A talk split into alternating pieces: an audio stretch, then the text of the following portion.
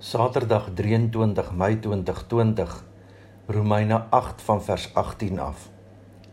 Ek is daarvan oortuig dat die lyding wat ons nou moet verduur nie opweeg teen die heerlikheid wat God vir ons in die toekoms sal laat aanbreek nie. Die skepping sien met gespanne verwagting daarna uit dat God bekend sal maak wie sy kinders is. Die skepping is immers nog aan verydeling onderwerpe, nie uit eie keuse nie, maar omdat God dit daaraan onderwerp het. Daarby het hy die belofte van hoop gegee. Die skepping sal self ook bevry word van sy verslawing aan die verganklikheid om so tot die vryheid te kom van die heerlikheid waarin die kinders van God deel sal hê. Ons weet dat die hele skepping tot nou toe sug in die pyne van verwagting en nie net die skepping nie, maar ook ons wat die Gees ontvang het as die eerste gawe van God. Ons sug ook. Ons sien daarna uit dat God sal bekend maak dat hy ons as sy kinders aangeneem het. Hy sal ons van die verganklikheid bevry. Ons is immers gered en ons het nou hierdie hoop. Wat 'n mens al sien, hoop jy tog nie meer nie. Wie hoop nog op wat hy reeds sien? Maar as ons hoop op wat ons nie sien nie, wag ons daarop met volharding.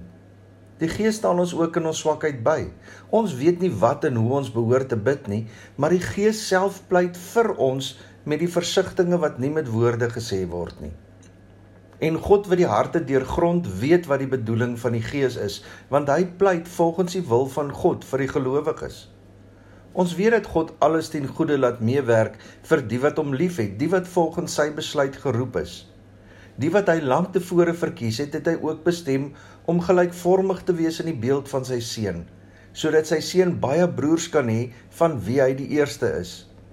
Die wat hy daartoe bestem het, het hy ook geroep, en die wat hy geroep het, het hy ook vrygespreek, en die wat hy vrygespreek het, het hy ook verheerlik. Wat is nou ons gevolgtrekking oor al hierdie dinge? Dit: God is vir ons, wie kan aan teen ons wees? Hy het sy eie seun nie gespaar nie, maar hom oorgelewer om ons almal te red. Sal hy ons dan nie al die ander dinge saam met hom uit genade skenk nie? Wie kan die uitverkorenes van God aankla? God self spreek hulle vry. Wie kan ons veroordeel? Christus Jesus het gesterf, maar meer is dit. Hy is uit die dood opgewek. Hy sit aan die regterhand van God. Hy pleit vir ons. Wie kan ons van die liefde van Christus skei? Lyding of benoudheid of vervolging, honger of naaktheid, gevaar of swaard? Daar staan immers geskrywe, dit is oor U dat die dood ons dag vir dag bedreig, dat ons so slagskape behandel word. Maar in al hierdie dinge is ons meer as oorwinnaars deur hom wat vir ons liefhet. Hiervan is ek oortuig. Geen dood of lewe of engele of magte of teenswoordige of toekomstige dinge of kragte of hoogte of diepte of enigiets anders in die skepping kan ons van die liefde van God skei nie. Die liefde wat daar is in Christus Jesus ons Here. Vers 18. Ek is daarvan oortuig dat die lyding wat ons nou moet verduur nie opweeg teen die heerlikheid wat God vir ons in die toekoms sal laat aanbreek nie. Vers 38. Hiervan is ek oortuig, geen dood of lewe of engele of bose magte of teenswoordige of toekomstige dinge of kragte of hoogte of diepte of enigiets anders in die skepping kan ons van die liefde van God skei nie. Die liefde wat daar is in Christus Jesus ons Here. Paulus begin hierdie gedeelte en sluit dit ook af met die woorde ek is daarvan oortuig en hiervan is ek oortuig. Dis 'n baie diep persoonlike oortuiging. Dis nie 'n vermoede wat hy het nie. Dis nie 'n opinie wat hy huldig nie. Hy dink nie net so nie. Hy hoop nie dat dit so sal wees nie. Nee, dis vir hom 'n absolute sekerheid. Dis 'n absolute sekerheid dat daar in Christus vir ons 'n heerlikheid wag wat groter is as wat ons kan dink en wat niemand van ons kan wegneem nie. Dis vir hom 'n absolute sekerheid dat niks en niemand ons van God se liefde kan skei nie. Vers 18.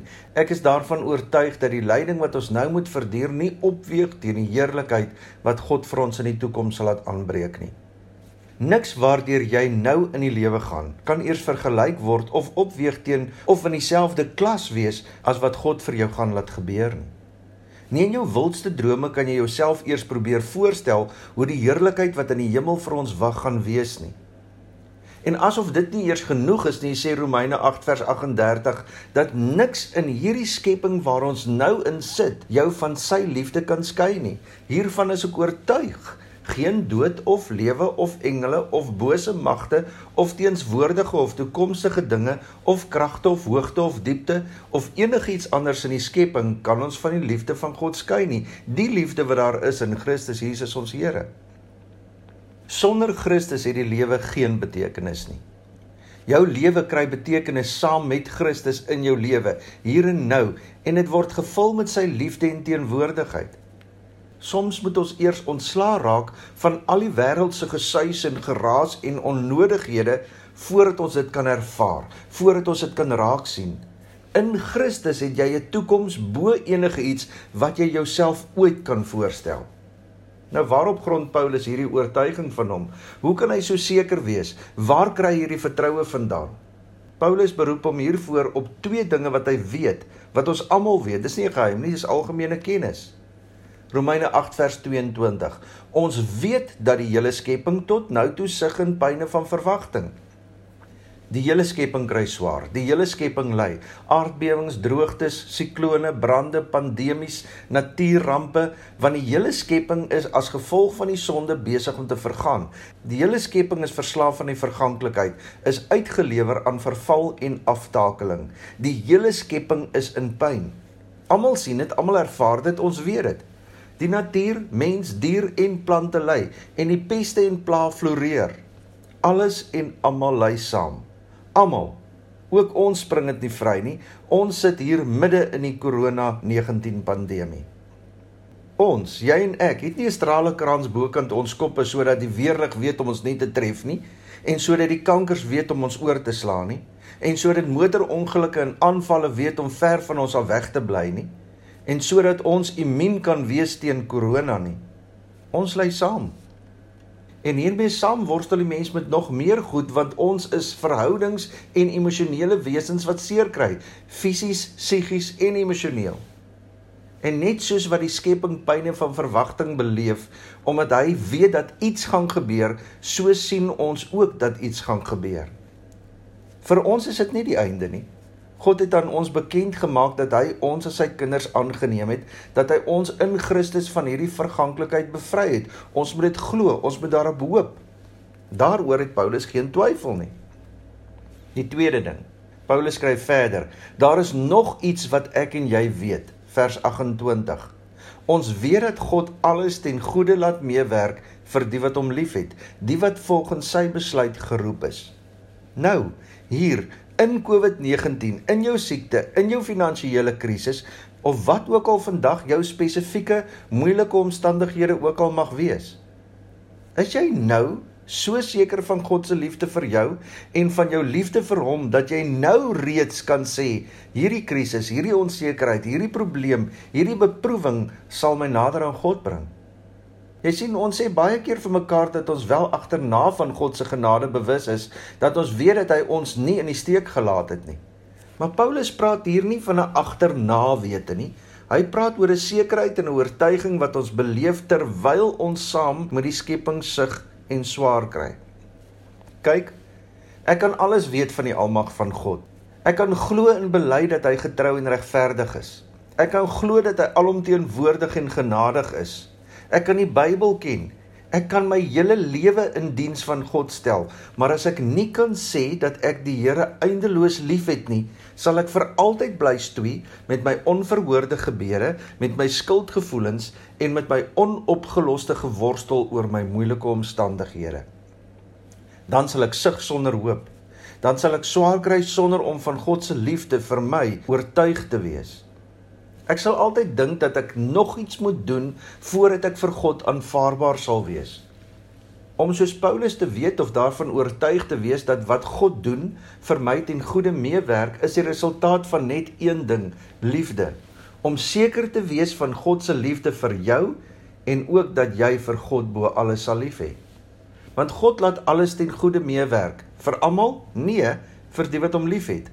Want dan kry jy vrede in jou omstandighede. Is God op hierdie oomblik nader aan jou hart as jou grootste vrees of jou grootste probleem en selfs nader aan jou hart as jou grootste vreugde? Miskien moet ons almal vandag erken dat ons so baie dinge van die Here vra. dat ons so dikwels by hom daarop aandring dat hy ons moet help om die moeilike dinge in die lewe te verstaan. Ons dink dat as ons tog net kan verstaan waarmee hy in ons lewens besig is, dan sal ons dit kan hanteer. As ons net kan verstaan, dan sal ons glo. As ons tog net kan verstaan, dan sal ons gehoorsaam wees en die regte ding doen. Maar Here, ek verstaan nie.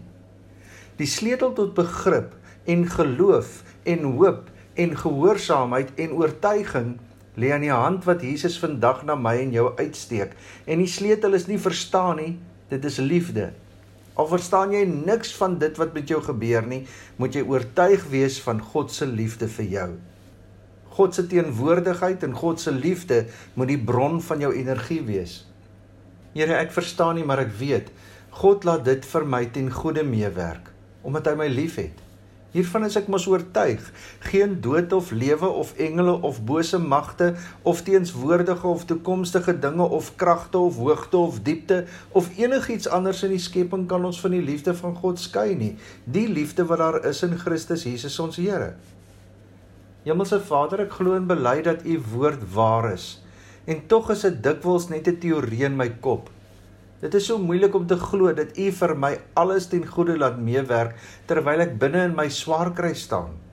Here, maar wat vir my nog moeiliker is om te erken, is dat ek nie U bo alles liefhet nie. Dat ek die een sleutel tot Paulus se oortuiging mis, liefde. Vader, vergewe my dat ek op hierdie oomblik dinge teen my hart vashou wat nader aan my is as wat U is. My hartseer oor my verliese, my ambisie, my onbeantwoorde vrae, daardie sonde waarmee ek nie kan breek nie, my vrese en my bekommernisse. En Here, ek moet erken dat wat ook al in hierdie tyd nader aan my hart is as U, staan in elk geval altyd tussen my en U. Elke keer dalk net in 'n ander vorm. Ek kom maak my hande oop en sit dit neer. Vul en oorweldig my met dieselfde liefde vir U as wat U vir my het. Dis net hierdie liefde wat my sal oortuig dat U vir my alles waarna ek my nou op hierdie oomblik bevind ten goeie sal laat meewerk. Here skenk aan ons die genade, lig waar ons net donker sien, moed waar ons vrees, hoop waar ons wanhoop, vrede waar ons gemoedere storm, vreugde waar ons hartseer is, krag waar ons swak is, wysheid waar ons verward is, sagtheid waar ons bitter is, liefde waar ons haat. Die Here sal julle seën en julle beskerm. Die Here sal tot julle redding verskyn en julle genadig wees. Die Here sal julle gebede verhoor en aan julle vrede gee. Doen slegs nuwe